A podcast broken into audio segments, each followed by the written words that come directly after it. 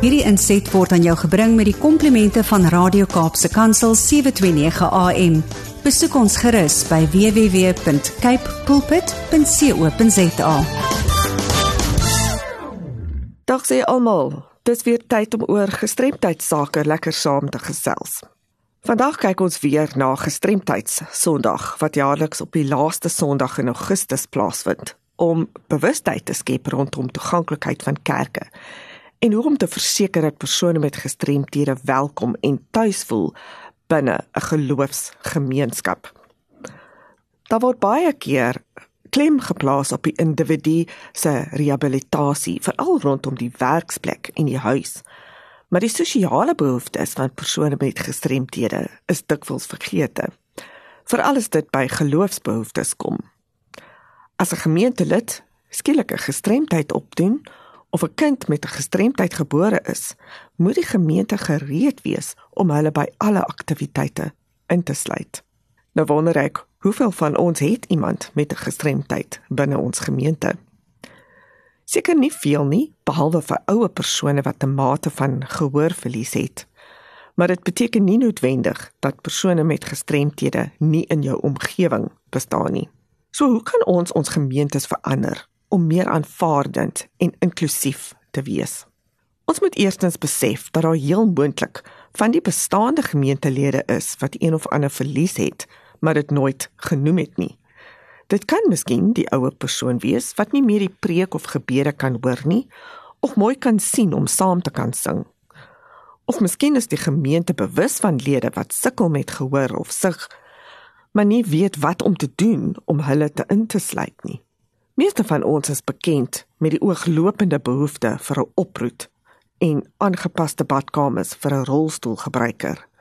Maar is minder bekend met die behoeftes van diegene met ander tipes gestremthede.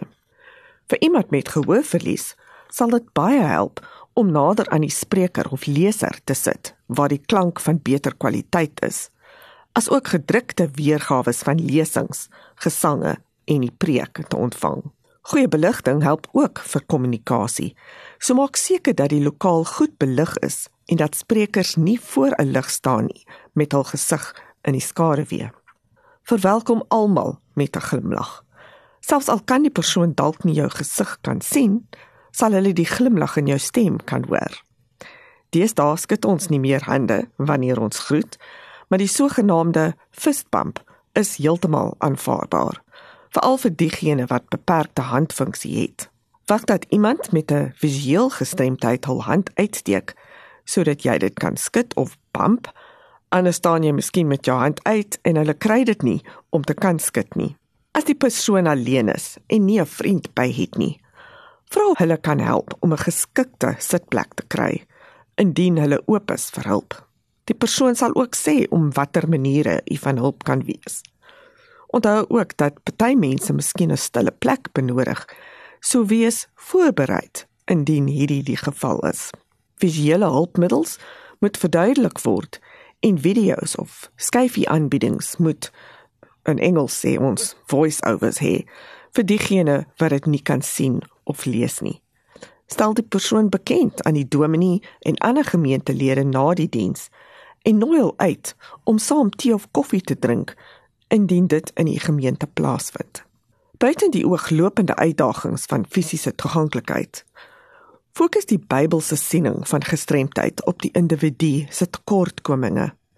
Dit versterk die idee dat die persoon nie vir homself kan sorg nie, hulp en genesing benodig en dat 'n mens buite die samelewing moet woon en funksioneer, soos in Bybelse tye die geval was.